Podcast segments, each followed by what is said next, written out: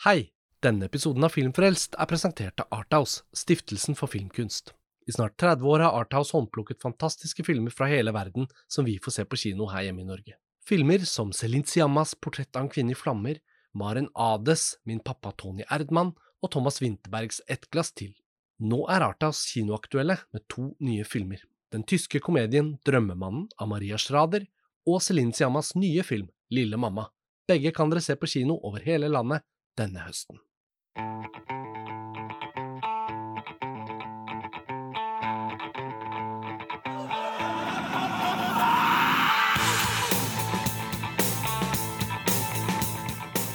Hei og velkommen til en ny episode av Filmfrelst, podkasten fra filmtidsskriftet montasj.no.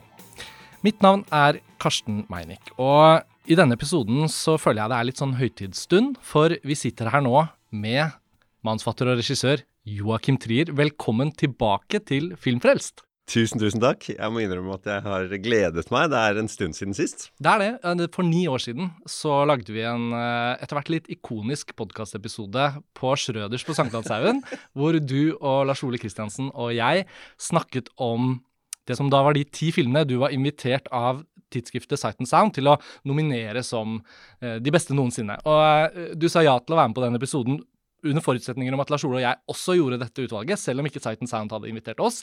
Eh, og denne episoden er jo da publisert på montasje og har vært opp gjennom årene veldig populær. Det er Filmfrelst nummer 102.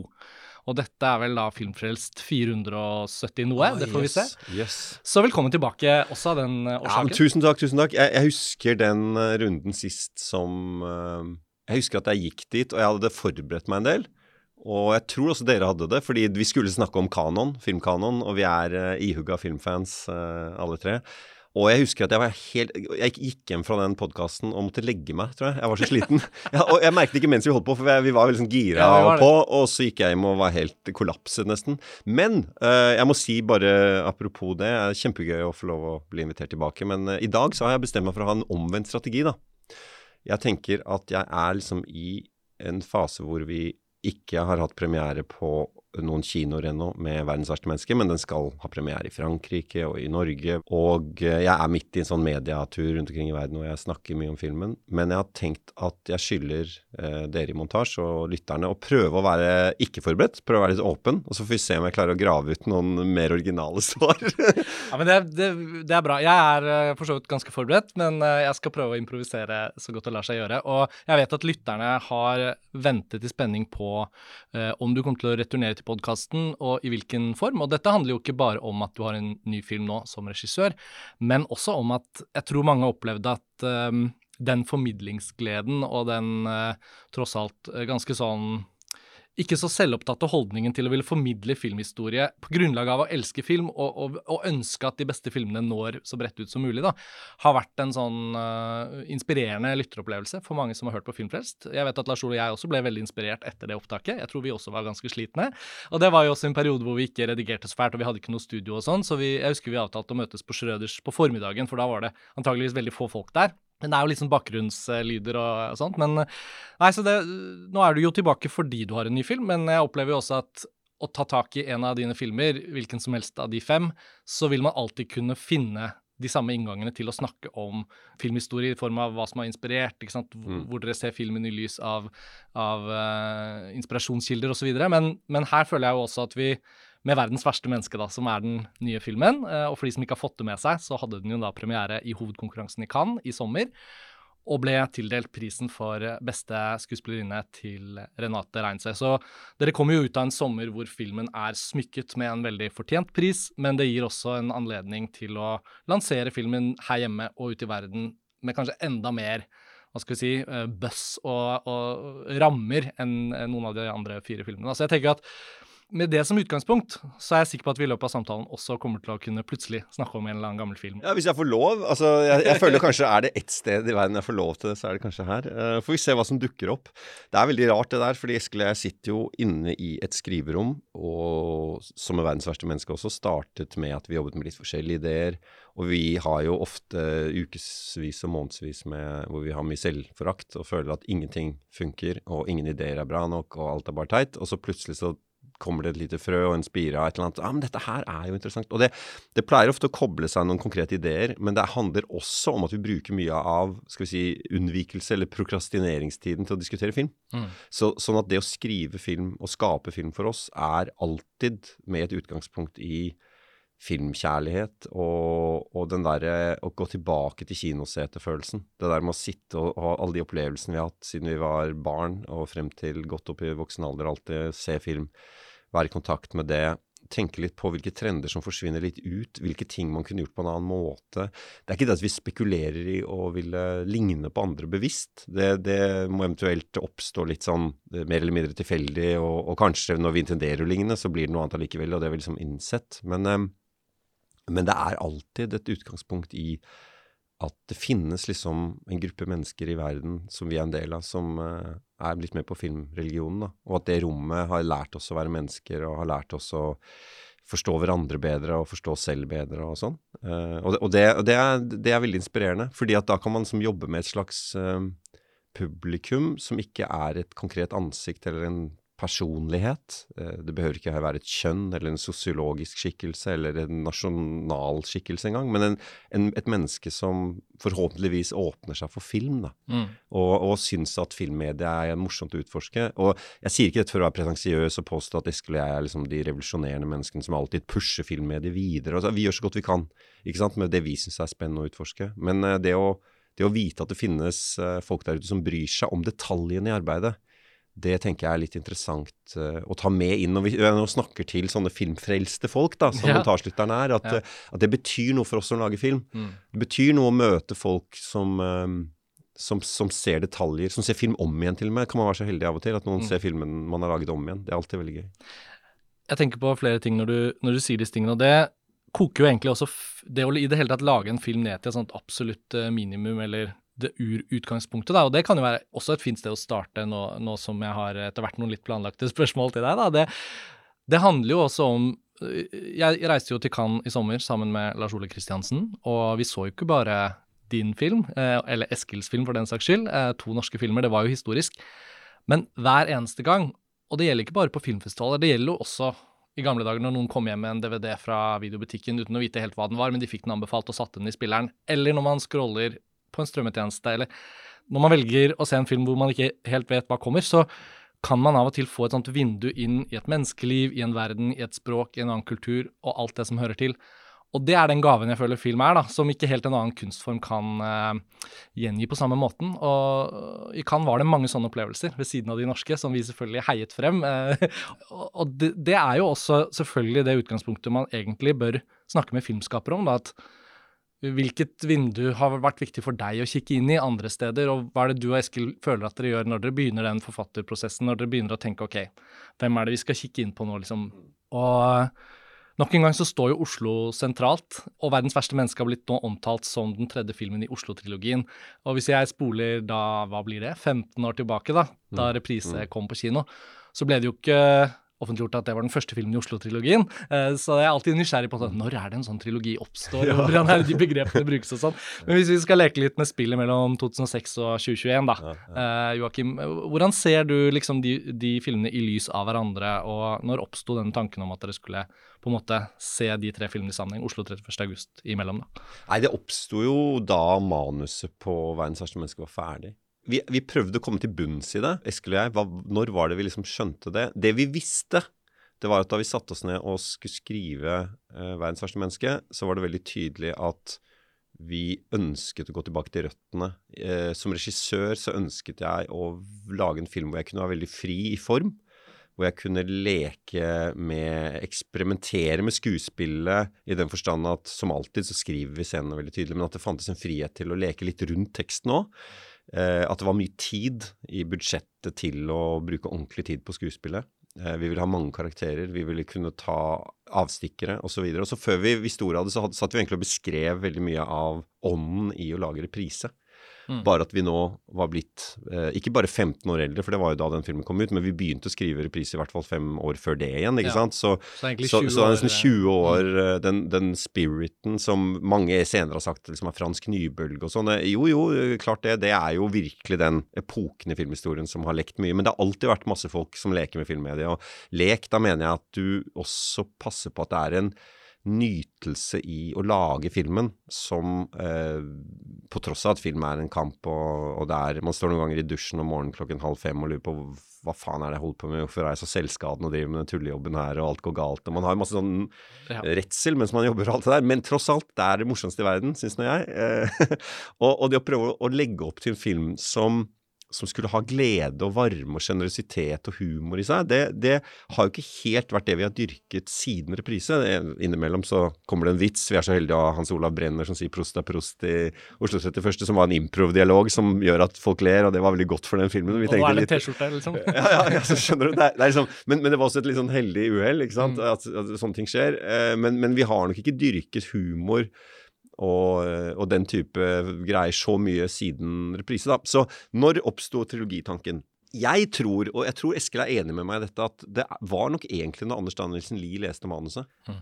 og han sa um, at Herregud, dette er jo som en tredjedel i en trilogi eller noe sånt. Jeg tror det var Anders som sa det, altså. Så jeg tror vi skal gi han med æren av å lage det som er blitt en slags sekundærhistorie om denne filmen. eh, og, og, og, men, men, det vi kan si sånn Sett litt tilbake for, for, oss som nå har laget den, og du har jo sett den et par ganger, mm. så, så, er det jo noen tematiske tråder der som, som, henger sammen. Og det, ikke, det, det, lette er å si at det er Oslo by, men um, jeg vet eksempel, og nå begynner nerdinga, så hold dere fast, men jeg vet at Henry James, den store, store, amerikanske forfatteren som skrev mange veldig lange og gode romaner på slutten av 1800-tallet, men også veldig mange kortromaner og, og, noveller. Fantastiske noveller. Han lagde en del skrekknoveller, som The Turn of the Screw og sånn, er veldig kjent. Men han gjorde også eh, sånn The Lesson of the Master, som er en av de beste fortellingene om unge mennesker som føler at de må stå i en spagat mellom det å velge å ha en relasjon og familie, versus det å leve som kunstner. Jeg vet at den inspirerte reprise veldig, og jeg kan si at hans novelle The Beast in the Jungle, som handler om hva skal vi si tematisk? Jeg har ikke lyst til å avsløre fortellingen for mye, for den er så utrolig smart. Siste del er så utrolig smart. Hos Henry James er det alltid sånn når du, du tror du vet hvor du skal ankomme og får en veldig sånn tilfredsstillelse, og så kommer det alltid en twist til i fortellingen, emosjonelt og psykologisk. Uh, Beast in the Jungle handler vel på en eller annen måte om hvordan sorg og tap må til for å komme nærmere oss selv som mennesker på en eller annen måte eksistensielt. Så bare sånn at liksom sånne store, grunnleggende temaer om sånne livsstadier dukker opp igjen. Du kan si selvfølgelig handler også Thelma og, og Louder and Bombs om det, men jeg vil si at livsstadie, eksistensielle spørsmål litt, da. Mm. Litt sier jeg sånn forbeholdent, for jeg merker at jeg føler, føler, føler som jeg bruker litt store ord her nå. Men, men altså sånne eksistensielle grunnting, sånn eh, hva skal jeg med livet mitt? Hvem er jeg, kontra hvem jeg ønsker å være? Hvordan skal jeg oppleve kjærlighet og tilhørighet? Hvordan skal jeg forholde meg til døden? Sånne veldig store, men også veldig grunnleggende spørsmål som alle mennesker på en eller annen måte må forholde seg til. Det dukker opp igjen. Og det er jo også en sånn tematisk knytning eller binding mellom disse filmene. Det er ikke bare det at de er skutt i Oslo, tenker jeg. Nei. Nei, men Jeg kjenner meg igjen i det du beskriver, også ut ifra å ha sett disse filmene uh, i de årene de har kommet, da, og, og tenkt på dem. Og, og, siden jeg så 'Verdens verste menneske' i sommer, så føler jeg uh, at den har liksom sunket litt inn i meg. Uh, og jeg tenkte mens jeg forberedte meg på samtalen vår, på noen av disse um, fortsatt ganske alvorlige temaene som den i hvert fall vekker i meg, selv om filmopplevelsen når man ser 'Verdens verste menneske' er veldig livsbejaende, tross alt. Den er det. Men man blir også forført av filmen, sånn at når den tar noen andre steg underveis, så blir man litt sånn overrasket fordi livet kan være sånn. Ikke sant? At man uh, i ulike faser av livet nesten glemmer hvor sårbar man er, eller hvor, uh, hvordan vi alle på en måte har en gitt tid. Og en film er jo en gitt tid, og en filmopplevelse har liksom noe av det ved seg. Uh, hvis man kan koke det ned til noe så minimalt. Og da plutselig, når alvoret senker seg i denne filmen, så, så føler jeg liksom det er veldig sånn sannferdig hvordan livet også er. Og det er jo en fin del av det reprise også var. Og for meg var den veldig sånn Da, da den filmen kom, så opplevde jeg at det nærmest hadde liksom sett mitt og mine venners liv for det var jo også deres liv. Og siden jeg også vokste opp i Oslo, så var det jo mange sånn fellestrekk, da. Mange overlappende trekk eh, sikkert i oppveksten deres, som også jeg så i min oppvekst. Og så tror jeg jo noe av det hyggeligste for reprises del som jeg husker jeg tenkte også den gangen, var at men folk på Manhattan liker den også. Og folk i Paris liker den også. Altså Det spesifikke ble plutselig Det har jeg på en måte skjønt litt mer om senere, da, men jeg var ikke så smart den gangen at jeg tenkte så mye på hvor, hvor viktig det er å være så spesifikk som mulig for å kunne beskrive en sannhet som også blir gjenkjennelig for andre. Men hvis du blir helt generell og bare objektiv, så er det kjedelig. Det er ikke interessant for andre mennesker. Det, og det er også et ekko som går igjen i de tre filmene. da. Den den viljen dere har til å ta i bruk små detaljer ved livene i Oslo som dere skildrer, og la de få bety mye, mm. og så at vi andre kan på en måte gjenkjenne oss, eller eventuelt bare la oss fascinere, da. Det er sikkert uh, Joakim Trier og Eskil Vogt-turister som kommer til Oslo og liksom vil oppsøke steder fra de tre filmene som ikke de kjenner, men som de har blitt forført av. Da. Så det tenker jeg også knytter de tre filmene sammen. Ja, men det er kjempehyggelig. Takk for at du, du har gått inn i filmene våre med den åpenheten og latt det på en måte ja, få lov å bli en del av ditt liv òg. Det er veldig det jo blitt, ja. Jeg, jeg syns det har vært en av de største gavene ved å lage disse filmene også, har vært å reise rundt og oppleve at folk har tatt det inn. Jeg husker at vi hadde en sånn nervøs premiere på New Nordic Films i Haugesund av reprise. Vi hadde ikke vist den, hadde ikke hatt premiere og fått anmeldelser. Noe, altså Den hadde vel på det tidspunktet vunnet en pris i Carlo Vivari så vidt. Og så kom Haugesund da med norsk filmbransje, og vi var jo nervøse. Og da husker jeg at Kristoffer Nilsen var der med 'Slipp Jimmy fri'. Og så kom han til meg. Jeg er kjempefan av Kristoffer Nilsen, altså. Han er eh, Jeg syns eh, Vi snakker ikke nok Eller man snakker mye om hvor bra han er, men man kan aldri snakke nok om det. Jeg syns han er så jævlig egenartet og morsom mm. og har et temperament og en sånn fortellervilje eh, til å gå inn i rare, uventede vinkler på et liv vi alle kjenner igjen i Norge, men fra en vinkel som er helt uventet. Da. Han kom bort til meg etter reprisen han sett den, og så sa han du, veldig sånn nøktern som han er. Jeg, eh, det var jo veldig kult. Eh, jeg skjønner at den filmen som handler om folk som lever nå og sånn, og jeg er jo blitt mye eldre enn det, enn det disse karakterene er, men eh, det er akkurat sånn vi var. Minner meg om akkurat hvordan jeg og kompisene mine hadde det. Hm. Og tenkte jeg åh, faderen, det er et stort kompliment. ikke sant? Så, så, da fikk vi en sånn følelse også i Norge, da, at, mm. uh, at kanskje ikke det bare er én generasjon, men at uh, noen typer mennesker kanskje vil, vil, vil, gidde å gå inn i dette her og sette pris på de der litt uh, hva skal jeg si, disse unge mennene med vyene sine. har du opplevd det nå i liksom nyere tid? Å være i samtale med en som er fra en yngre generasjon igjen, da, som har sett reprise f.eks. nå? Og, ja, ja. Det var veldig interessant, fordi tiden går. ja. Og reprise handler jo om også en guttegjengsdynamikk, på godt og ondt, hvor man tøffer seg veldig med å være si stygge ting, politisk ukorrekte ting. Hvor langt kan man dra den, liksom? I det derre trygge Norge vi følte veldig på da.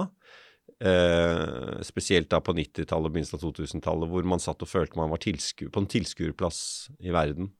Eh, noen av oss hadde liksom fått med seg at eh, det hadde foregått et folkedrap i Srebrenica, og, men vi gikk allikevel ut og hørte på ganske sånn poppa musikk, og ting var ganske gøy, og vi skulle ikke være så alvorlige som de som hadde vært sånn liksom politiske punkere på 80-tallet. Det var mye ironi, og det var mye sånn. Og reprise er på en måte en, en, fortelling også om en reise fra ironi til alvor, som jo er en del av det å bli voksen. At det er noen ting du liksom ikke klarer å le av etter hvert. Det er noen ting som er en genuin sorg, da.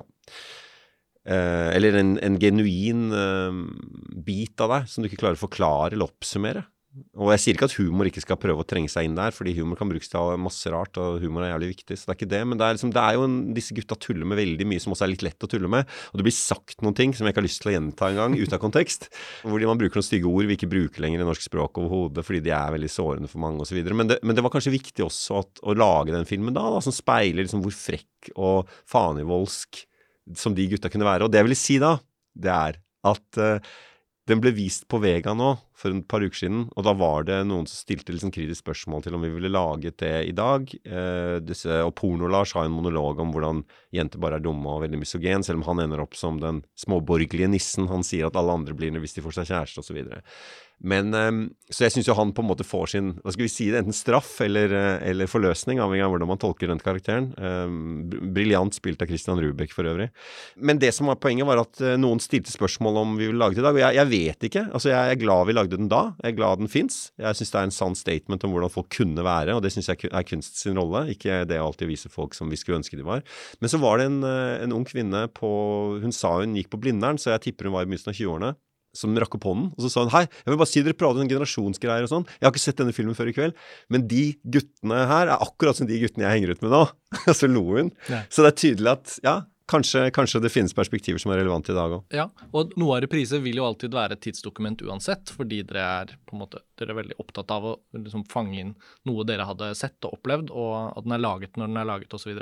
Men det er jo noe av det jeg tenker er styrken med de beste filmene, det er at de både føles som om Ta franske nybølgen du nevnte i stad. altså Hvis man vender tilbake til noen av de filmene og, og ser veldig sånn tidsdokument, så er det jo også de beste filmene klare på en måte å da likevel si noe om noe som er plutselig Ja, det var det Vivre sa vie, eh, som jeg ikke er så lenge siden jeg så. Og jeg tenkte at den handler jo ikke om nesten noe jeg kan identifisere meg med, men det var noe med hele det den litt sånn eh, lakoniske, men også litt sånn livsbejaende der òg. Mm. Merkelige kombinasjonen av noe ganske trist og noe veldig sånn vakkert og fresht Mm. i den filmen som jeg tenkte var sånn Fy søren, den står seg så utrolig. Og så Så gøy at du tenker trekker vise. Vi er bare så Ja. skyte inn, for den har tolv kapitler den har den ikke? Ja, det har kanskje det, ja. Nå er vi Nå nærmer vi oss verdens Nei, men jeg avbrøt deg. Fortsett. Eh, Det, det, det den filmen også viste meg, var hvordan favoritter fra på en måte nybølgen har endret seg.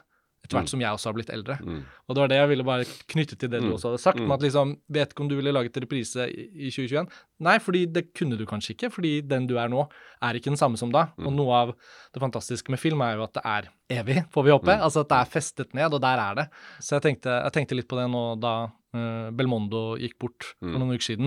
Og at nybølgen nå nesten Nå er det liksom bare nesten Godard igjen av de aller største profilene, da. Uh, så det lukker liksom et kapittel der òg. Det det er det. Og så Det er- tenker det er man på filmene som står der, da. Så friske og unge og ja. Ja, nei, jeg, jeg, er helt, jeg er helt enig. Det, det, det gjelder jo kunst. Man kan jo eh, få den følelsen av å lese tenkning eller filosofi eller, eller litteratur som er veldig, veldig gammel. At det finnes humor eller rare blikk på verden og masse sannhet hele veien. Men det interessante med film er det du snakker om også, at det er noe uten, veldig, veldig utenfor kontroll. Som er det dokumentariske, som jo Godard sier så fint, at en hver dag på sett med mine skuespillere er også en dokumentar om deres liv der og da. Og det, det, er det har jeg tenkt masse på. Mm. Spesielt når vi nå skyter tre filmer med Anders Danielsen Lie som blir mer og mer voksen. Mm. For eksempel så skjer det jo ting som er langt utenfor min kontroll. Uh, og det er gøy med film. At man avslører noe uh, som man ikke har kontroll over. og eh, jeg, jeg opplever veldig, veldig at den franske nybølgen er, var opptatt av gater og mennesker og hvordan de så ut, og bare observere. Og det, er veldig, sånn- det er noen sånne troper i fransk nybølge som jeg setter veldig pris på, som jeg egentlig ikke har benyttet meg så mye av selv. Eh, Fordi det kan nesten føles som å stjele litt. Men det de, du ser spesielt hos Truffaut, er de der taktoppskuddene hvor skuespillerne går igjennom gatene. Og kameraet bare følger på en lang linse. Du ser det veldig godt hos Agnes Varda også. Eh, Godard er ofte litt mer ned på gatenivå og sånn, men, men Truffaut føler du har et slags sånn skjebneblikk fra Paris-hustakene som går igjen i veldig veldig mange, spesielt Antoine Duanel-serien og sånn, Mm. hvor det bare er et musikkstykke, og så ser du liksom at de løper rundt. Og det ser du også i mange av de som er inspirert av den franske nybølgen. Bertolucci tok jo et veldig sånn tøft oppgjør med Godard. Eh, Men han startet jo ut først med å, med på en måte være litt sånn snytt ut av nesen på Pasolini, men så ville han jo være Godard en periode, og var i Paris. Han gjorde pressekonferanser i Italia på fransk, fordi han sa at cinema var fransk, bare for å drive faderdrap mot de andre da, eldre, kjente re, italienske regissørene Ja, videre. Men du ser det i, um, i Prima de la Revolution, altså Before the Revolution, som er et, mesterlig nybølgefilm. eh, gjort av Bernardo Bertolucci. Mange tror det er debuten, det er det ikke, men det er nummer to. Det er der han virkelig kommer på scenen eh, som en stor, stor, viktig regissør. Eh, og der ser du også at han har sånne musikksekvenser med sånn skutt fra takene. Mm. Eh, da i Roma, da. Uansett, det er i hvert fall en, en gutt fra øvre middelklasse, overklasse, som på en måte vil bli revolusjonær og marxist. Mm. Og så vil han samtidig som filmskaper, det handler filmen om, altså, og så vil han samtidig som filmskaper være revolusjonær fransk kunstner, og så filmer han fra takene og prøver å se sin samtid, da. Mm. Eh, og det der med å se gatene man, eh, man kjenner godt, det, det har vi masse av i filmhistorien. Det har vært der hele tiden. Det var jo egentlig det film startet med å være med Lumière, er å se menneskene som de er. Og det at det fins i spill, gjør eh, Det var et veldig langt svar på egentlig et, et, et godt og enkelt poeng du gjorde, men at det finnes liksom noe eh, noe dokumentarisk, noe som bare vedvarer. Noe som er i spill uansett, som er utenfor kontroll. Og, det, og, det kan, og det kan gjøre at når du ser Vivre Savi, kanskje, så er det ikke bare tanker som er tid, tidløse, men at det også er en eller annen sånn ånd i menneskets uh, tilstedeværelse. Mm. og jeg tenker jo også at alt dette egentlig da var med å bringe oss opp til verdens verste menneske igjen, fordi vi knytter de tre filmene sammen. Dere presenterer det som Oslo-trilogien. Eh, og nå har du jo fortalt oss litt om hvordan det hadde sin opprinnelse. Og med det som utgangspunkt så tenker jeg også at vi vi, vi, skylder Julie da, å gi henne litt tid, hovedpersonen i 'Verdens verste menneske', og bare få høre litt om hvor hun kommer fra, hvordan hun ble den hun ble gjennom Renate Reinsves uh, gestalt. Mm. Eh, og, og, det tar oss jo også inn i filmen og dens spesifisitet, da, som jeg tenker at vi, vi skal klare å snakke om uten nødvendigvis å spoile så mye. Jeg tenker kanskje podkasten kommer ut rett før premieren, eh, og det betyr at mange av lytterne kommer til å ønske å se filmen kjapt, sikkert. Men Julie, hvor OK, vi er tilbake i skriverommet mm. med deg og Eskil. Um, dere har ikke bestemt at det heter Oslo-trilogien ennå, men dere skriver på en ny film.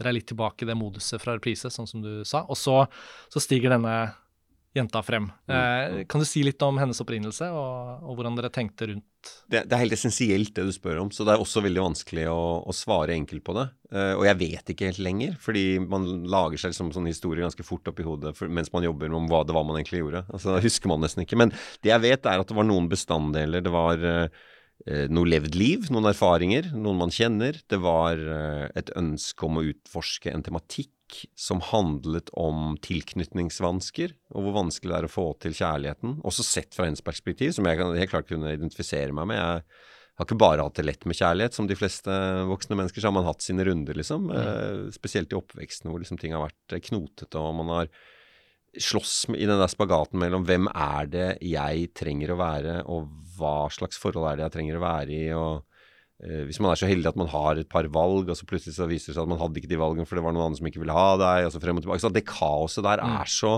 det er så tøft, og det er så komplisert at det ligger så mye stoff der man kan både le og kanskje gråte litt av. Men så var det selvfølgelig Renate Reinsve, det å skrive for noen.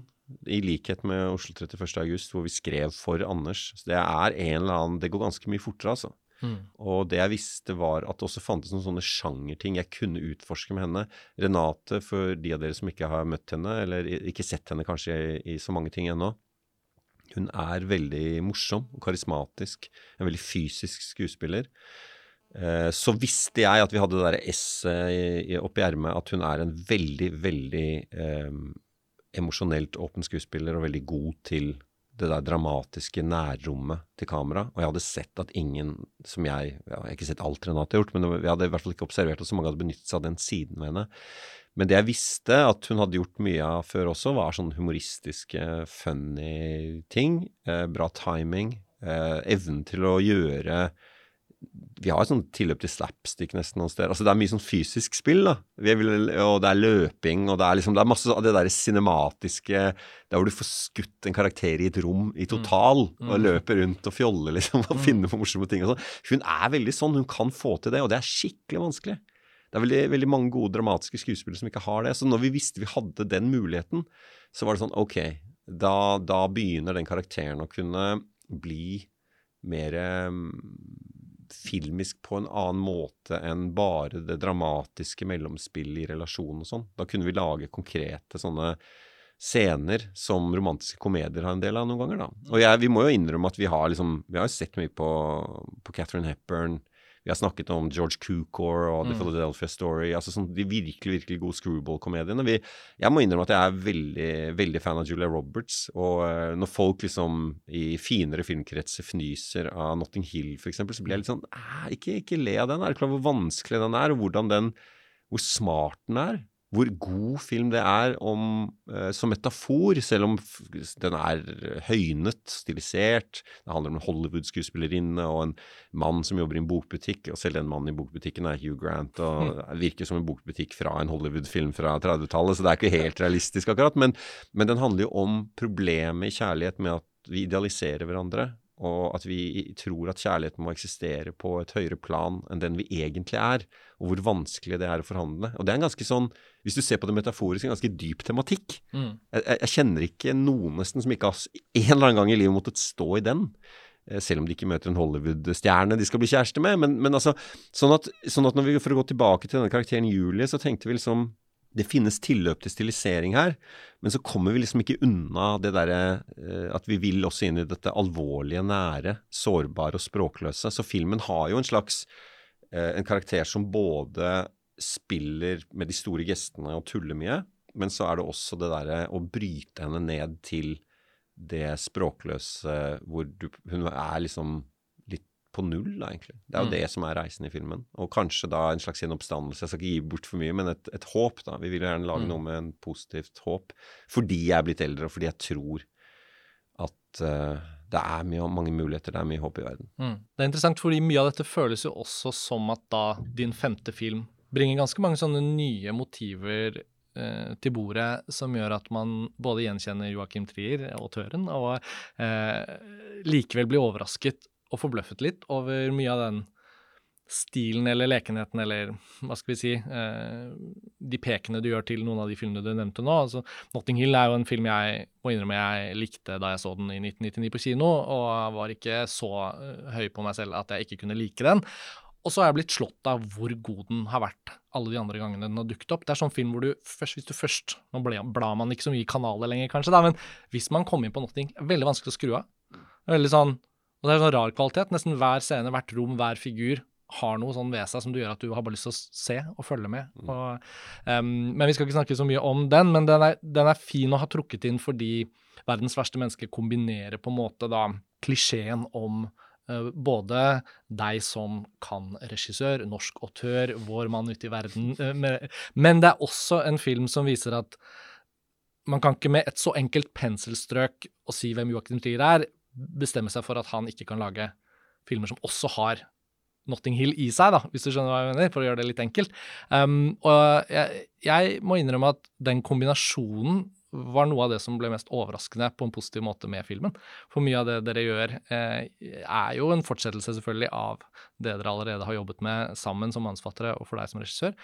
Men jeg, jeg, ble, jeg ble veldig sånn forført av denne siden ved verdens verste menneske, som kommer gjennom Julie, men som kommer også gjennom hvordan de beste romantiske komediene fra før av også har det alvoret som dere eh, lar filmen ha. Og, og det ligger jo litt på hennes liksom objects of affection, og hvordan de to mennene vi får presentert, ikke er så tydelig på en måte eh, han kule og pene og han slemme, kjipe. Altså, så det er ikke noe sånne kontraster dem imellom for hvordan de skal fungere. Og etter hvert som filmen skriver frem, så blir det mindre og mindre av kontrastene, og man skjønner jo at de er også bare mennesker. Mm. Og de er også bare menn i sine liv som må finne ut av det samme som du nettopp beskrev, da, den problemstillingen. Hvem er jeg når jeg er sammen med Julie?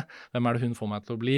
Eh, hvem håper jeg at jeg kan bli gjennom å være sammen med henne? Mm. Så der, og, og da returnerer jo jeg enda en gang til det skriverommet hvor du og Eskil jobber, da, og tenker at med utgangspunkt i Renate Reinsves som skuespiller, så har dere muligheten til å skrive en spesifikk figur, som du snakket om, men så også med da Her har dere Herbert Nordrum og Mm. Anders Danielsen Lie, da.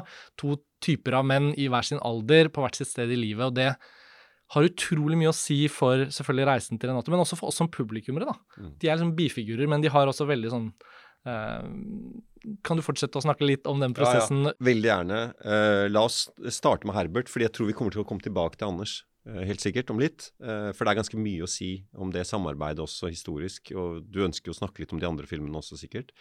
Eh, Herbert var ikke en vi skrev den for. Men han var liksom det store, store funnet. Og det var veldig rørende. Da vi kom til Cannes, så hadde vi en, en sånn hemmelig hjemme hos Renate. Vi, vi visste, fordi Thierry Fremont så filmen, og det var en av de første filmene han faktisk valgte ut. Han hadde noen. Jeg vet ikke om det er lov å si, men vi vet at det var noen film som ventet fra i fjor. Det vet vi pga. timing, så det er vel ikke noe hemmelighet. Også, De har sagt om Benedetta, ja, Benedetta, til ikke i hvert fall. sånn, ja. Mm. Det, det var noen der, og, og Wes Anderson antageligvis. Mm. sånn. Eh, sånn at vi, vi visste liksom ikke helt hvor raskt vi ville få svar, fordi vi viste den ikke så sent denne gangen som man har gjort før. Og så med en gang så var han sånn Yes, vi vil ha den. Og det var så utrolig gøy, men det tok ganske lang tid før vi kunne si at vi var med. Det er hemmelig. Mm. Ja, vi måtte gå rundt og så ut som eh, katten som hadde spist kanarifuglen. Vi var veldig sånn Og rett hjem til Renate og skuespillere og Eskil og jeg og, og, og Thomas og Andrea og mange fra teamet som var der, og Dyvek og Det var Oslo Pictures, liksom, og, og noen skuespillere og sånn. Og så åpnet vi champagne inne i Renates hus i en sånn hemmelighet. Og så, vi må ikke juble for høyt, men vi var så glad Ja. og så stolte og så spente. Og da sa Eskil noen ord Vi, vi, vi, endte opp med å ha sånne små spontane taler alle sammen for hverandre, for vi, vi hadde savnet hverandre siden shootet, det hadde vært mm. covid altså alle, mm. Det var så sjelden vi kunne møtes, så vi hadde, mm. måtte til og med være begrenset antall inn i huset til Renate, husker jeg. Og hun hadde en hage, så det var sånn egentlig skulle vi være ute, men så gikk vi litt inn, for det regnet, og det var veldig sånn fin stemning. Og så sa Eskil til Herbert at uh, fy faderen, Herbert, du er flink, sier manusforfatter Eskil Vogt, komanus. Uh, uh, fordi den største risikoen eh, både for oss når vi skrev nesten i manus, men også rollen å ta, det, det, var Eivind. Altså Den figuren følte vi ut av skriverommet at sånn, vi måtte bare finne noen som kunne skape enda mer liv ut av den figuren. Det var tydelig at Aksel, som Anders spiller, var en figur som lå veldig tett på Eskil og meg i erfaring og alder. Han er tegneserieskaper, han kommer fra undergrunnen, han føler kanskje at han lurer litt på hvordan han skal finne ut av sitt voksne liv. Det var lettere å være ungdom, osv. ja. eh, Julie brukte vi veldig mye fokus på. Vi visste vi hadde Renate liksom, til å gjøre det, og, og hadde veldig tillit til det. Mens Herbert kom inn i en lang casting hvor vi møtte mange veldig flinke skuespillere. Det var ikke lett å finne i det hele tatt. Men, men når, vi, når, jeg skjønte i castingrommet sånn Det er han. Og jeg husker jeg viste det til Esker, og han bare OK, vet du hva dette her blir så interessant, så, så fargela han den karakteren og brakte veldig mye humor, varme, eh, godhet. Og det er veldig sånn vanskelig å skrive, fordi i, det er mange som har påpekt det. Når du skal skrive liksom sånn triste ting, eller dramatiske, konfliktfylte ting, så er det lettere å skrive en karakter som er, har et godt hjerte og er snill og morsom. For han er så for å bruke et engelsk ord, lovable. Mm. Elskelig. Mm. Han er det, virkelig. Og det er Herbert. Og han tok med seg veldig mye. Deg liksom inn i han. Ja, du skjønner også Hvordan i all verden skal vi finne noen som konkurrerer med han der utrolig imponerende, smarte, flinke Anders Danielsen Lie-figuren? Jo, Herbert kom inn og, og, ble noe annet. Han var en annen type mann. En, en varm, øh, morsom, frihetsorientert figur som Julie kunne føle seg fri med som ikke kanskje hadde så mange ideer om hvordan ting skulle være og ikke være, og sånn, som Aksel-karakteren har. da. Sånn at uh, når Eskil da holdt en liten tale spontant for, uh, for Herbert, så mitt regihjerte gledes, fordi at det betyr jo virkelig at mitt mellomledd er jo å være så heldig å finne Herbert, og at Eskil ikke føler at det liksom har fucka det opp. Mm. Han, hvor glad Eskil var for den karakteren, det var jeg så glad for. Fordi det var en vanskelig karakter, som sagt, å, å skrive. Og Herbert har da nå har han jo kjempesuksess eh, med en vidunderlig prestasjon i, i, i Hamlet på Nationaltheatret. Mm. altså, det er ingen tvil om hvor flink han er. Men, men, han har jo blitt castet i veldig mange sånn komiting. Og jeg håper i denne filmen at folk virkelig ser Spekter igjen da, i, i Herbert. For de, de, de, som kanskje ikke har sett ham i, i uh, teaterforestillinger så mye. Så på film så har han stort sett gjort det der komiske. Men, men, det har også vært en gave til verdens verste menneske. Han er også med og spiller dette litt sånn uh, romcom-greia, da, som ikke jeg er så erfaren med. Så jeg lærte veldig mye av ham, altså. Jeg skulle til å si det, at han, han, har en sånn fantastisk fremtoning. og Jeg kan jo ikke uttale meg om hans uh, tekniske kvaliteter som skuespiller når, når, dere jobber sammen for å få det frem, men jeg bare ser det, og så kjenner jeg han som type, da, og møtte han på flyplassen på vei ned til Cannes i, i, sommer, og det var veldig hyggelig. Og han var jo også på eh, podkasten vi lagde fra Cannes, da vi fikk gjort noen intervju med dere. Du hadde et par minutter, så vi ble enige om å møtes senere, og det er jo i dag. Men, uh, nei, men altså, han bærer litt sånn med seg en sjanger uh, i filmruta. Og det er ikke en sjanger, en hylle i videobutikken, liksom. Men han har en sånn fremtoning som er Du kan ikke si det på noen annen måte enn at han fyller bildet. Og, og, og, på den måten han gjør det, så bringer han sin personlighet som en slags sjanger til rommet. Og det skal selvfølgelig skrus til og tilpasses uh, av, deg, som passer på alt. Men den kvaliteten er ubestemmelig, ser jeg for meg. Og at du kan ikke egentlig finne den som filmskaper før du har han foran auditionkameraet ditt, f.eks. Og så tenker du oi, her er det. Og er det mulig for deg å sette ord på noe mer av hva du føler han brakte som ikke lå der i manuset, men som liksom er det, eh, var, ja. hvor, hvor, spesifikt var han skrevet sånn som han er i filmen? Ja, men det, det er interessant, fordi at det, eh, han kom med masse ekstra. Men han hadde også noen sånne grunnleggende ting vi trengte. Han hadde en sinnssykt bra kjemi med Renate. Det var veldig, veldig avgjørende. Han representerte i bildet en annen type fysisk gestaltning enn Aksel-karakteren Anders, som vi visste at skulle spille Aksel. Han har en åpenhet i seg hvor han i scener spiller karakterer som ofte oppdager noe gjennom scenen Uh, han behøver ikke å ha den derre smarte strategien når han går gjennom en scene, som en del skuespillere har. Og, for, og La oss si for, eksempel, for å se, sette ham opp mot Aksel-karakteren, som er en veldig bevisst artikulert karakter, som Anders spiller unikt bra, ikke sant? fordi Anders er skarp som en kniv, altså. Han er så smart. Og det er så gøy å kunne gi ham veldig kompliserte dialoger som, og monologer i denne filmen også, hvor han kan liksom snakke om veldig avanserte ting på en interessant måte og sånn. Han kan til og med improvisere rundt Freud, som han gjør på et tidspunkt på en ganske morsom, interessant måte. liksom, det er så, alt det der. Uh, men, men, han er også liksom, spiller noen karakterer med en veldig bevissthet om seg selv. Det som er så interessant med Herbert, er at han, han kan liksom da gå i kontrast litt inn foran kamera og miste seg selv veldig. Uh, samtidig som jeg vet at bak der så er det masse masse trening og planlegging og alt mulig, så tror jeg liksom på på take fem og seks noen ganger at Herbert gjør scenen for første gang sånn helt spontant. Uh, dette er ikke i kontrast til Anders, som ikke ja, Anders får også til det på andre måter osv., men, men Herbert har sånn veldig sånn en sånn åpenhet som gjør at noen av de scenene som er romantiske eller morsomme, får en sånn følelse av Litt sånn apropos det der nybølge spontanitet-greiene. da. Han får til det innmari bra. Jeg klarer ikke å si det på noen, nei, nei. bedre måte. Jeg, jeg, føler at det er en sånn ting. Og så um, må jeg innrømme, at, og så ærlig må jeg være, at um, Herbert og jeg snakket mye om at han også skulle være på en måte en babe. Det er gøy å lage en film om et jentes blikk på en mannekropp. Uh, og Herbert uh, måtte han, han, ser jo jævlig bra ut, men han sa OK, jeg får trene litt ekstra. Liksom, altså, han, han, var sånn, han, var med på det. At ja. Vi har jo helt konkrete sexscener i ja. denne filmen hvor, som handler også om at hun bare biter ham i rumpa og syns at han har en deilig kropp og masse sånne ting som Hadde jeg gjort det kjønnsreversert, så tror jeg vi hadde kommet inn i trøbbel for tiden.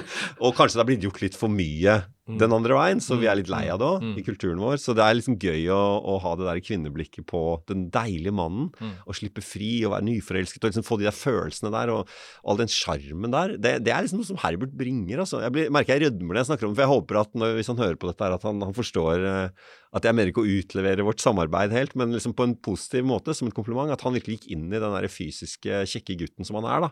Og, og, og klarte å spille det uh, ubevisst og ærlig. Det syns jeg var utrolig modig og kult. Og det kommer frem i filmen. Altså, for meg som utenforstående, da, så føler jeg jo liksom at det vi er inne på nå, er jo å få høre litt om bakgrunnen for nettopp mange av disse magiske tingene som, når man er tilskuer til verdens verste menneske, bare er på en måte filmens naturlige flyt. Og så vet vi jo at det ligger mye arbeid bak, og så tenker man ok, hvis vi har en podkast med Joakim Trier, så kan vi i det minste i hvert fall få litt innsikt i noen av disse ubestemmelige tingene som gjør at ting blir som det blir. da, ikke sant? Et valg som, som både selvfølgelig fordi dere har all erfaringen, men også intuisjonen ved å se ham der og tenke at det er han som skal spille Eivind, og vi kommer til å få noe ekstra, og det skal vi ta imot. Og så skal vi mm. dyrke den han er, og så slippe han fri i filmen, på en måte. Og, og jeg syns det er en veldig fin kvalitet ved hva dere har utrettet i denne filmen, ved at den, den har noe sånt av mangel på et bedre ord, da, den føles løssluppen. Ikke uplanlagt, men den føles løssluppen akkurat som Julie når hun løper ned Louises gate. Altså, filmen er litt sånn. Det er ikke tilfeldig at dere valgte det som plakatbilde, men det er liksom noe med at hennes åpne ansikt og, og frie liksom lø, løping nedover gaten er gjenspeilet i hvordan filmen på sitt aller mest sånn, når den er på sitt aller hyggeligste, da, for å si det sånn. Eh, når den forelsker seg og er liksom i de miljøene, så føler jeg at den tilfører noe nytt i filmografien din ved å, ved å kanskje ha en helt sånn At den løssluppenheten er enda mer sånn håpefull og åpen. Jeg føler det er mye løssluppent i reprise òg, selvfølgelig, men den har vi allerede snakket litt om. og at Der ligger det jo også veldig mye at ideene deres som uh, nye filmskapere er løsslupne, og de er også planlagt ned til detalj, så de er også liksom strengt løst for å bli lekne i filmen. Og, og det, det, satte jeg veldig pris på med 'Verdens verste menneske', hvordan blandingen at dere er eldre filmskapere og dermed har på en måte en annen holdning til tematikken, en annen holdning til hvem dere portretterer i filmen. Men den føles nesten også som en eh, første film. Vi ville lage Vi ville søke den frie følelsen og fragmentering og variasjon, eh, muligheter for at ting kunne oppstå. Eh, alt dette her. Og det er helt sånn teknisk legger man opp til ved å skrive et manus som er veldig langt, og så være så heldig å få lov å klare å skape et budsjett som Det føles jo aldri som det er nok penger, men vi hadde en del tid med skuespillerne. Og vi skjøt tross alt på 35 og sånn, men vi, vi, investerte i mye film. Vi investerte i mye tid. Og det, og det, var for å prøve å eksperimentere og finne den La scenene få lov til å ha en ekstra mulighet til utforskning. da, En ekstra runde. Det er ikke alle dager man får til det, man har ikke alltid så god tid man vil ha, men, men jeg syns vi har klart uh, å, å ja, klarer å planlegge såpass bra at gjennom veldig, veldig stringent produksjonsplanlegging så kommer det mulighet til masse spontanitet og lek. Det er jo alltid sånn det er. Jo bedre du planlegger, jo mer plass blir det for å lage det jeg syns er morsomme og uventede ting. da, sånn at, at, skuespilleren kan bidra med ting som man ikke hadde planlagt, og som er mye smartere enn det jeg trodde jeg skulle komme opp med. Så det er bare sånn gaver. da. Å få de gavene krever mye planlegging. Mm. Og NFI, det krever ordentlige budsjetter. ja, altså jeg tenker for en helt utenforstående som ser uh, Klikker seg inn på IMDb og ser uh, Joakim Trier, regissør, fem spillefilmer. Uh, det virker jo ikke som om ting har kommet lett, men det virker vel fra et helt utenforstående blikk som om du har fått laget film, og, og, liksom, og det har du jo. Men jeg husker jo at tilknyttet ikke bare Louder Than Bombs, hvor det var en utsettelse og ting som skjedde, og vi har jo rapportert noe Hvis man blar i arkivene på montasje, så finnes det noen forskjellige saker om disse.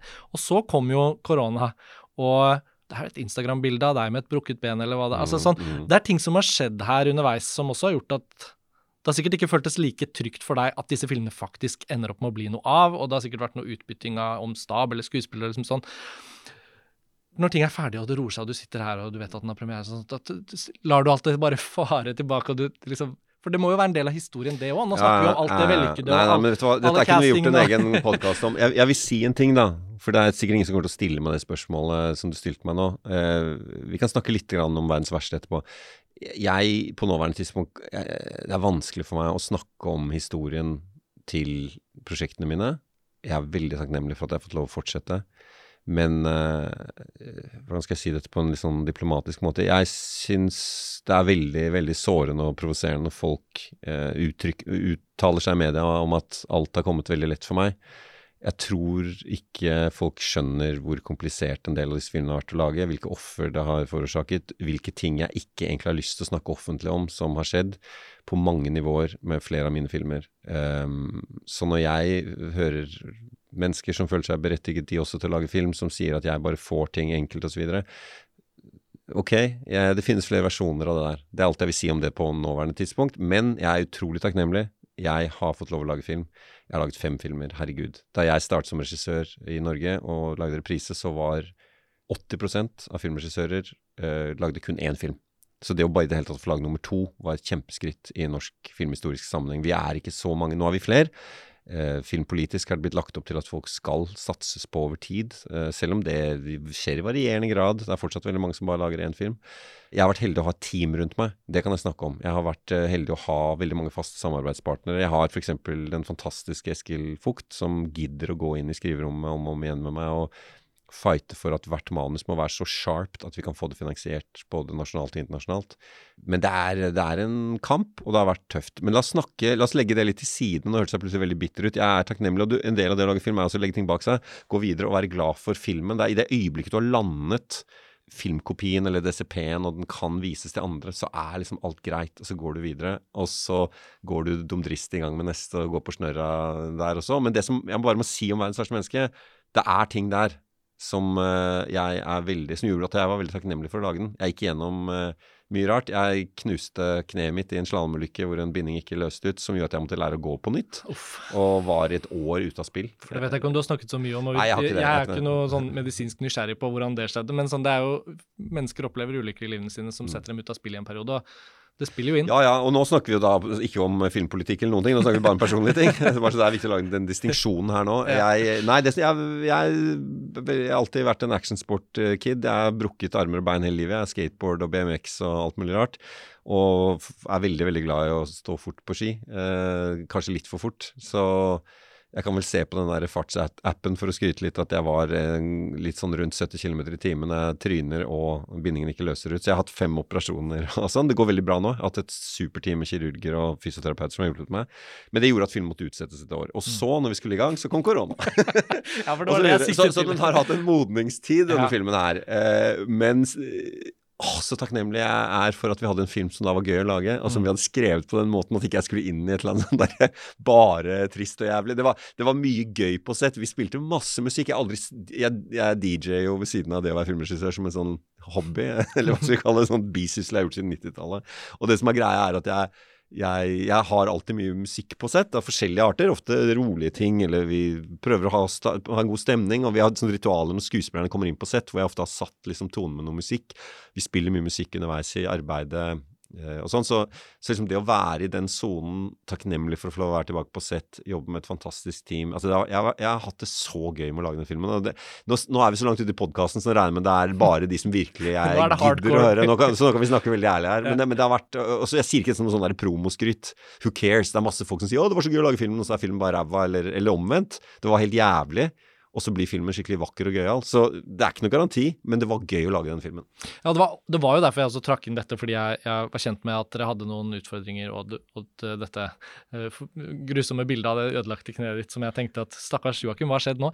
Men um, det er jo da også interessant fordi vi var der hvor vi beskrev filmen som ja, som den At når man ser den, i hvert fall, fra mitt perspektiv, den opplevelsen av å se en film som, som har en sånn flyt og en, en, sånn kraft i det positive ved seg. Eh, det betyr ikke at den ender opp med å være overfladisk i det hele tatt, for nå har vi ikke engang begynt å snakke om hvor filmen går, og, og hva annet vi skal gjennom når vi ser denne historien utspille seg. Og uansett om folk hører det før eller etter filmen, syns jeg det er naturlig å ikke liksom gå ned i detalj og begynne å snakke om liksom hele avslutningen på alt, men um, og de forskjellige rollefigurene og sånt. Men, men, det er noen tematiske ting som jeg tenker kan være et fint steg å gå, gå videre. Og det, det handler jo litt om vi har vært så vidt inne på det, men jeg tenker ofte på at mange som lager film, og jeg tenker på det selv i forhold til det En ting er det vi gjør på montasje, altså vi feller ned noen uh, tanker i tekster og i podkaster og sånn, og så liker jeg tanken på at det er på en måte evig.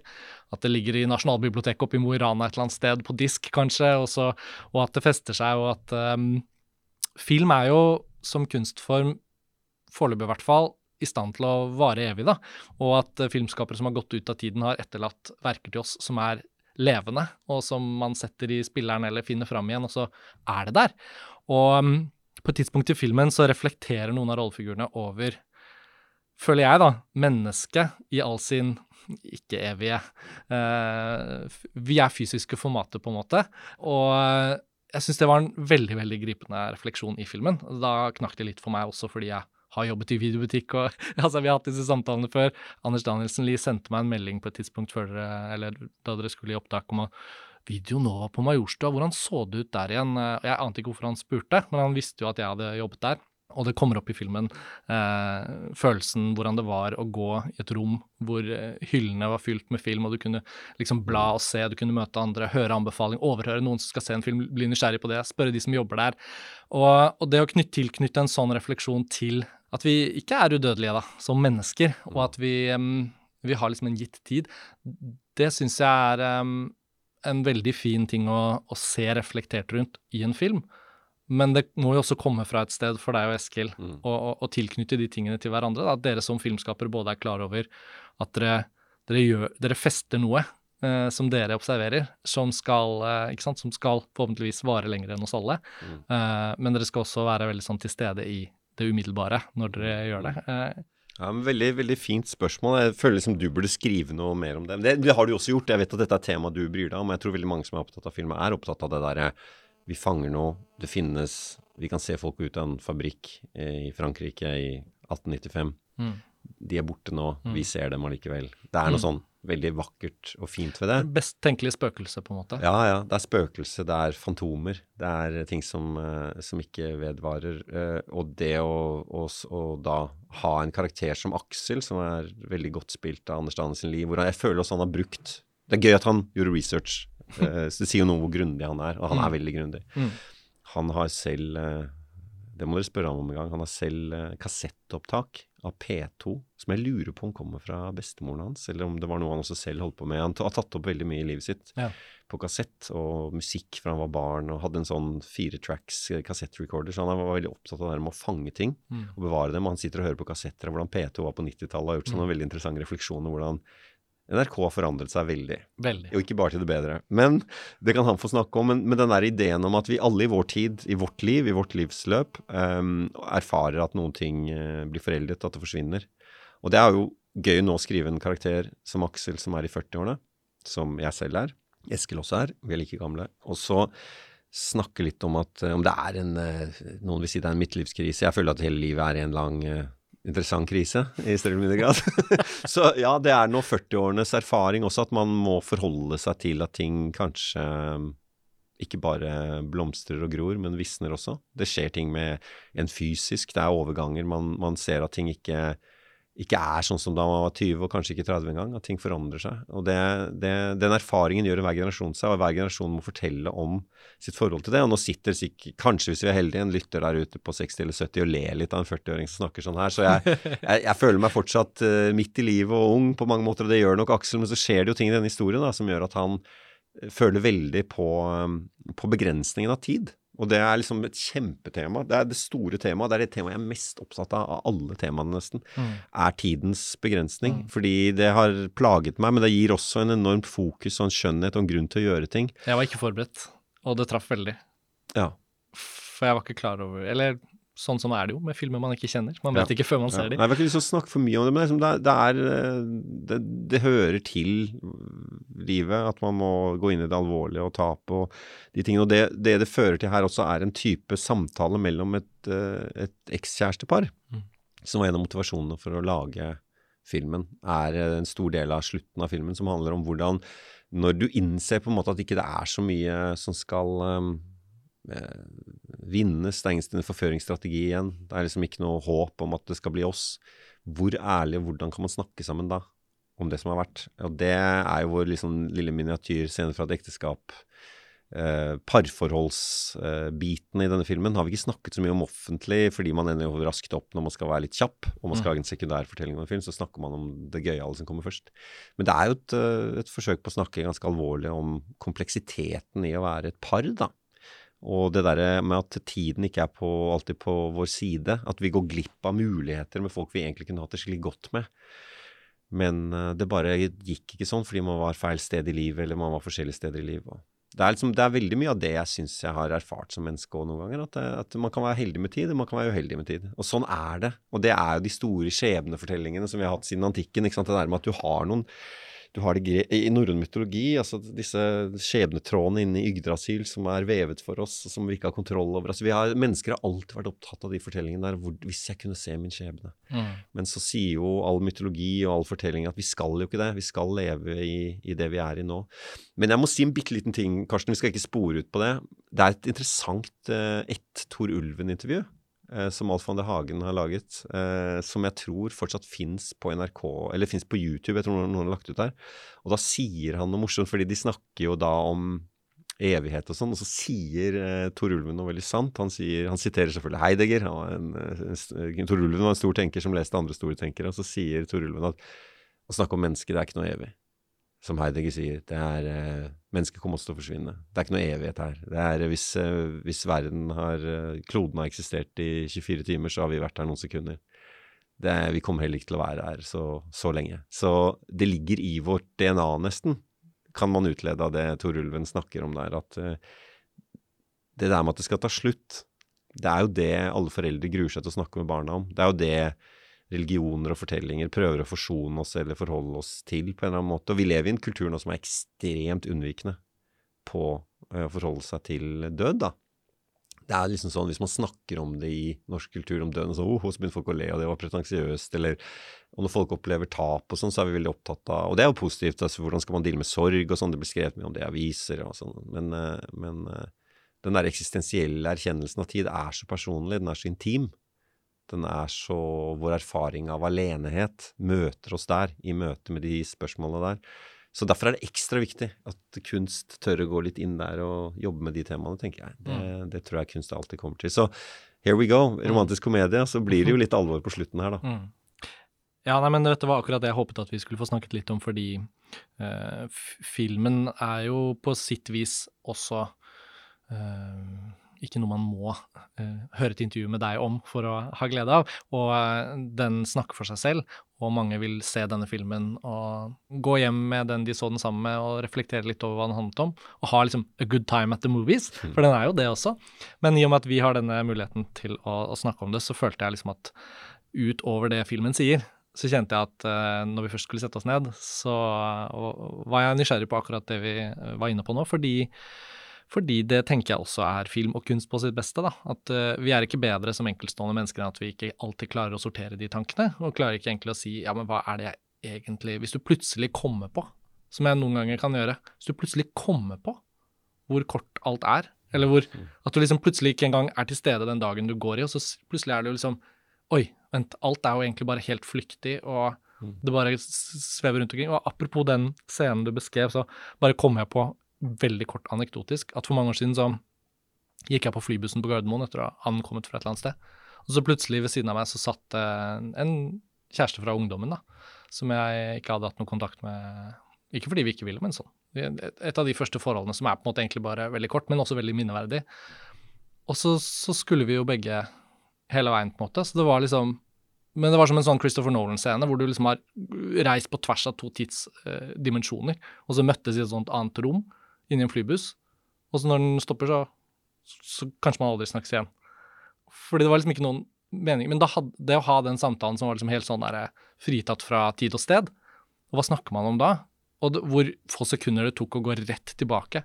Altså at Det var liksom ingen overfladiske elementer. Det var ingenting. Det var bare sånn Å, hvordan har du det? Og så bare egentlig rett til Hva skjedde? Hva var det egentlig som skjedde med oss? Er det ikke sant? Den tenkte jeg på nå som Ble det, ble det noe klining? Nei, det var, det var, en, var en tørr og kjedelig busstur, men det var en veldig hyggelig samtale. Ja, vet du, det er veldig vakker Og- historie. Ja, men det der, det, det er interessant. Og jeg reflekterer i sånne opplevelser når man får det presentert i film. da, At man kan plutselig tilknytte sine egne um, erfaringer. Og det, det, som jeg sa om reprise også, så opplever jeg jo at som Uh, noenlunde uh, lik uh, oppvekstfigur som mange av de rollefigurene i dine filmer, så har i hvert fall jeg opplevd at det at dere har laget de filmene, kanskje da særlig egentlig Reprise og Verdens verste menneske, og Oslo 31. august for så vidt, har eh, på en måte vært med å portrettere det. da. Jeg husker det, Noe av det første jeg tenkte etter Reprise, var sånn Denne kan jeg vise til mine barn. Og så kan de se hvordan jeg hadde det. Og da hadde jeg jo ikke noe barn. Jeg tenkte ikke at det var en realist... Altså, det var som en sånn Nei, nei. forestilling. Og nå har jeg liksom femåring og to og et halvt åring hjemme og tenker at uh, plutselig en dag så skal jo de også begynne å se de filmene. Um, og da du fløy hjem fra Cannes i sommer, Joakim, så sto du der plutselig med en uh, liten jente på armen. Ja. Og jeg visste ikke at du hadde blitt far uh, i mellomtiden. Altså, det tilknytter seg også hvordan jeg ser denne filmen i din filmografi. Da. Det må også ha vært et jordskjelv i, i tilværelsen. Det klart det. Det er jo noe jeg egentlig ikke snakker om i offentligheten, men siden vi er her på Hardcore-podkasten, så, så er det det, jeg, det er ikke fordi det er noe hemmelighet. Jeg blir, jeg, blir, jeg blir sånn Jeg er veldig opptatt av, for å kunne være kunstner, å snakke så personlig i filmene mine som jeg gjør på måter ingen andre vet, nesten. Eh, og det tror jeg Eskil føler på også. Så blir man liksom selvbeskyttende i offentligheten. Men jeg syns kanskje montasje er et hyggelig sted å si det. Fordi det er ikke Det, er liksom, det føles ikke som sånn salgsoverskriftssted, eller Skjønner du hva jeg mener? Sånn, jeg prøver alltid å finne en annen historie i, i, i offentligheten enn om liksom skulle liksom ta med den derre 'her er sannheten om et eller annet'. Men, men for å si det, ja, dette temaet med å få barn eh, det, Jeg har vært så heldig å få barn. Det er kjempestort. eh, og jeg er såpass voksen at jeg visste jo ikke om det skulle skje. Det er også en tematikk i filmen. det er jo det der, så, så det handler jo både om det som kommer til og det som forsvinner ut, liksom. Det er, det er et stort tema. Det er jo som, som en del folk i Oslo eh, vet, så er det sånn at når man har uh, født på Ullevål sykehus, som også er en location i denne filmen, faktisk, så eh, titter man ut av vinduet, og så ser man en gravlund med det nyfødte barnet i armene. Det er et veldig sånn, er sånn Oslo-ting. Ja. At på Ullevål, alle som føder på Ullevål, de snakker om det. Første vi fikk, var på Ullevål. Ja, og det er, sånn er det jo, ikke sant. Mm. Det er, og det, et barn er, eh, som kjæresten min eh, sa veldig, veldig klokt, barn er en pil i tid. Barn peker også på hvor rask tiden går. Og fordi utviklingen i et barn er så rask. Eh, Og så merkbar, da. Så det er mye tematikk. Jeg tror ikke det er siste filmen jeg lager som kommer til å handle om det, for å si det sånn. Nei. Så det er er absolutt, altså. Og det er jo alltid fristende intervjuer å si sånn Så hva er den neste filmen? Joakim Ja, ja. Jeg vet ikke om vi kom til Nei, jeg har jeg må si jeg er litt stolt av lenge før jeg fikk barn. Eskil har jo hatt barn lenger enn meg, men eh, så skrev vi jo også 'Louder and Bomb', som er en familiefortelling. Eh, og vi er opptatt av barn-foreldre-relasjon. Det går igjen. Også i reprise, også i Oslo 31. på en indirekte måte. Veldig mye Thelma. Eh, frigjøringsfortellingen til eh, noen fra foreldre. Og ikke minst også i denne filmen her så ser vi også eh, fortelling om foreldre-barn og sånn. Så jeg, jeg har vært opptatt av det lenge, og det, og det er klart jeg får noen nye perspektiver sikkert eh, på det nå også. Lære mer. Men eh, Joakim, nå nærmer vi oss slutten på vår tilmålte tid, og jeg kan jo ikke annet enn å tenke at vi har akkurat fått snakket bitte litt for lite om filmer vi er glad i, og eh, ting vi liker å se. Og så er jo 'Verdens verste menneske' en av høstens store norske kinopremierer. Og så har den jo fransk kinopremiere 13. oktober, norsk kinopremiere 15. oktober, så nå, nå, nå, nå står det liksom i kø her.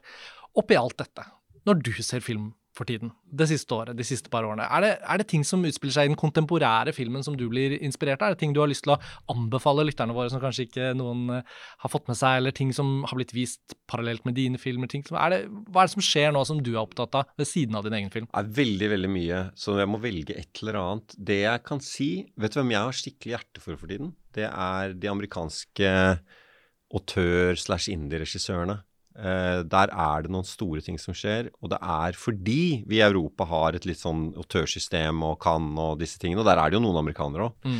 Men, uh, men, Amerika fungerer litt annerledes. Um, og jeg er jo uh, gjennom årene blitt veldig god venn med Mike Mills, og har vært ja. klippkonsulent på hans nye film Come On, Come On, som nå hadde premiere i Telluride til strålende mottakelse, skutt av Robbie Ryan, sort-hvitt med Wackham Phoenix i hovedrollen. Kult. En slags variant inspirert av, uh, av uh, Alice in the Stat, altså Alice in the City ja. um, av Wim Wenders. Det er en, et perspektiv på Amerika i den som er veldig interessant. Og det er en uh, Det som gjør det interessant med Mike Mills, det høres ut som jeg syns synd på det, men jeg skal komme til, litt tilbake til hvorfor. Men det er, det er, bare fordi at verden er ikke rigga i USA på samme måte mm. for å, for å liksom, fremheve disse autørene på samme måte som vi har litt mer et system for i Europa. Um, Mike Mills er veldig sympatisk, syns jeg, fordi han lager humanistiske filmer om de nære ting, de små ting, men han setter inn i store perspektiver. Så det er de små hendelsene og de store temaene. Eh, og folk har kanskje sett Beginners. Eh, Thumbsucker, hans debut, er også verdt å få med mm. seg. Eh, 20th Century Women er uh, utrolig tankevekkende og kul og original. Um, og nå Come On, Come On. Altså, han er en skikkelig interessant fyr. Eh, og jeg beundrer ham, og hans, hans, kone Miranda July lager også utrolig interessante ting. Og de jobber jo da veldig sånn fritt kunstnerisk, selv om de jobber innenfor et slags amerikansk eh, finansieringssystem. Eh, A24 har nå eh, backet Mike på et par filmer.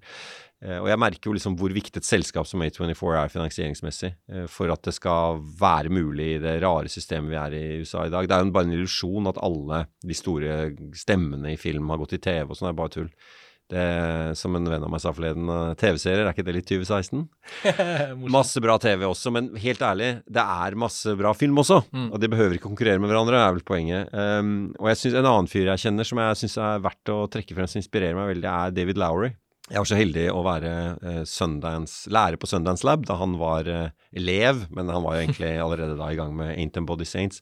Men jeg syns en film som Ghost Story, eller nå The Green Night, mm. som jeg vet deler mange, jeg syns det er en ekstremt interessant film. Mm. Jeg syns den er tematisk uh, utrolig rik. Man blir ikke klok på den. Mm. Det er som om man har tatt en tematikk som treffer vårt forhold til naturen, verden vi lever i, og det store temaet vi var inne på i stad, døden. Mm han importerer det fra 1400-tallet via ridder, et ridderdikt om den feige ridderen eh, Gauen som uh, man ikke blir helt klok på. Det er en slags coming of age-historie, men veldig mye mindre klar og tydelig enn Parsifal, f.eks. Så det er sånn, Og han har klart å bibevare tematikken på en måte og gjøre den moderne. Og det slår meg at hans sensitivitet i mise er eh, veldig imponerende. Og nå skal jeg si noe veldig kontroversielt. Jeg har jo sett June, og har litt blandede følelser for den. Vi skal ikke ta hele den debatten nå, men det som slår meg, er at veldig mange Uh, regissører som lager de der mer raffinerte filmene for tiden, mm. uh, blir også litt fanget i et språk, selv om de gjerne vil lage noe som har dynamikk mellom det nære og det objektive osv., som er liksom disse, disse, disse, dimensjonene vi har å jobbe med i film, så, så blir man veldig lett fanget inn i, inn i liksom kontrollen av å lage disse store filmene. Og jeg synes at mm. Det hadde vært spennende hvis David Lowry eh, fikk lov å fortsette, og også etter hvert lage da de der eh, mer skal vi si, eventyraktige, mytiske fortellingene som folk betaler mye penger for å se for tiden. Hva, mm. hva, hva skjer, liksom? Han Nå lager han Petter Pan. Jeg er veldig mm. nysgjerrig på hvordan det ser ut. Ja, det blir spennende. Han gjorde jo den uh, Hva heter den dragefilmen? Petter og Dagen, ja. ja. Som jeg faktisk ikke har sett. Det er en barnefilm han har gjort. Den skal ja. jeg se. Ja. Fin, men den får Disney da en sånn live action remake. Det er en av de første. Og så gjør han jo Peter Pan. Og jeg vet ikke hvor mange filmatiseringer av Peter Pan vi egentlig trenger, men for dem har det vært mange av, syns jeg. Mm. Til og med bare på 2000-tallet. Mm. Men uh, nei, Lowry, kjempespennende filmskaper, og, og den A Ghost Story har et sånt øyeblikk, apropos det vi snakket om tidligere, i forhold til stofflighet og varighet og, og, og liv og død og tid. Og han er en av de også regissørene som åpenbart har vært veldig inspirert av Terence Malick og, og skrevet og sagt det, mm. men ikke tatt opp i seg det litt sånn overflatiske ved Malik som gjør at du imiterer ham, men tvert imot lyttet, lyttet til Malik og tenkt hva er det han snakker om i filmene sine som egentlig også berører meg, og hvordan kan jeg snakke om det som en inspirasjon, men ikke nødvendigvis lage den samme filmen. Jeg er helt enig, og, og det er også en risikovilje der. Ghost Story og The Green Night også. Det er jævlig risky. Det er Mm. fallhøyde, det er vanskelig, det er vanskelig å turnere. Det er eh, sære, rare måter å lage film på. Det er det. Helt uventede, og, og det er ikke noe safing i det hele tatt, og det syns jeg vi skal hedre litt. Vi diskuterte den First Cout Kelly Reichardt en del eh, under pandemien, for den så vi i Berlin eh, rett før eh, det ble pandemi. Og jeg fikk muligheten til å intervjue henne i vinter, og jeg syns jo den var veldig bra, og alltid likt Kelly Reichardt blant alle disse amerikanske autørene som liksom lager sånn kontemporær film, men hun er jo veldig sånn sin egen filmskaper. Men hun hadde da et lite sånn stikk til eh, Chloé Zhao og den Nomadland, og all den skryten den fikk for det den, den gjorde. Altså, apropos eh, filmer som ligner litt på, på Malik, da, eller lar seg inspirere. Og, eh, nødvendigvis ikke sånn at jeg spør deg hva du syns om de filmene, men Jeg syns Nomadland var dritbra. Jeg syns det Ja. at Kelly Reichards utspill på montasje som jeg fikk med meg, var litt barnslig. ja. Og Men jeg, det, og jeg syns det å trumfe folks uh, kunstneriske visjon med sosiologiske perspektiver på den måten er litt, litt lite spennende måte for hun tok litt sånn eierskap til arbeiderklasseskildringen og sa at det er egentlig bare én måte å gjøre det på, og det blir jo også litt feil, da. Men, eh, Kunst må få lov å være friere enn det, tenker jeg da, men det, Men det, det er i hvert fall mange av disse filmskaperne vi nå har nevnt som er en del av det klimaet du snakket om litt, hvor, hvor amerikanerne, de, de autørene som jobber på den amerikanske scenen, har et litt sånt problematisk eh, eh, veiskille, kanskje, de står ved, som er litt annerledes enn Ja, i det interessante interessant der er jo at øh, en, en fyr jeg møtte i Cannes, som, jeg er veldig, som jeg er veldig fan av nå, er, nå har jeg ikke fått sett hans siste film, men det er Sean Baker. 'Tangerine' og, og 'Florida Project' syns jeg var skikkelig bra. Mm. Og så jeg bare Jeg møtte ham i London så vidt for noen år siden og bare fikk sagt sånn Hei, og nå fikk jeg liksom tak i han og bare Hei, faen, vi må prate. Han er så kul. Men jeg har Mm. ikke sett Red Rocket, men jeg gleder meg veldig til det. Ja. Veldig glad for at han er i Cannes, fordi Cannes eh, er en måte å få distribuert film ut i hele verden. Jeg legger merke til på Instagram at han er på sånn verdensturné. Så han er på vei også til å bli etablert litt som autør i Europa. Sånn, det, det er et godt sted eh, for ham å, å være, tror jeg. Altså, noe fint å si om Sean Baker, fordi montasje i den store sammenhengen er en veldig liten publikasjon. Men eh, da Cannes-festivalen ble avlyst i fjor, så lagde vi sånn alternativ Cannes-festivalprogram, eh, hvor vi eh, satte sammen et program bestående av filmer vist i Cannes opp gjennom historien som vi ikke vi selv hadde sett, og så på en måte kunne alle være med og se de filmene. Og litt sånn på sjanse, da, fordi han er på Twitter og sånn, så sendte jeg eh, liksom eh, at vi gjorde dette. Og liksom er det noe det, du kunne hjulpet oss med med en liten uttalelse eller et eller annet. Og da fikk vi svar, da. Så vi fikk en sånn tweet fra Sean. Baker som bare. Look at this great project in Norway og sånn. Så ja, selvfølgelig. Man er jo lett, Kul lett Har du sett eh, Red Rocket? Ja, vi så den i Cannes, og jeg syns den var kjempebra. Å, Eh, så og, godt å høre, Ja, ja. og den er, den er liksom modig i det klimaet de står i i Amerika nå, da. Apropos liksom politisk korrekthet og sånn. Så at John Baker går fra en sånn suksess som The Florida Project, og ikke ender opp som Marvel-regissør, eller å gjøre igjen for eller, studioene, men isteden gjør nesten en enda smalere og Mm. mer kompromissløs film. Det er veldig Fett, kult å se. Fett, altså.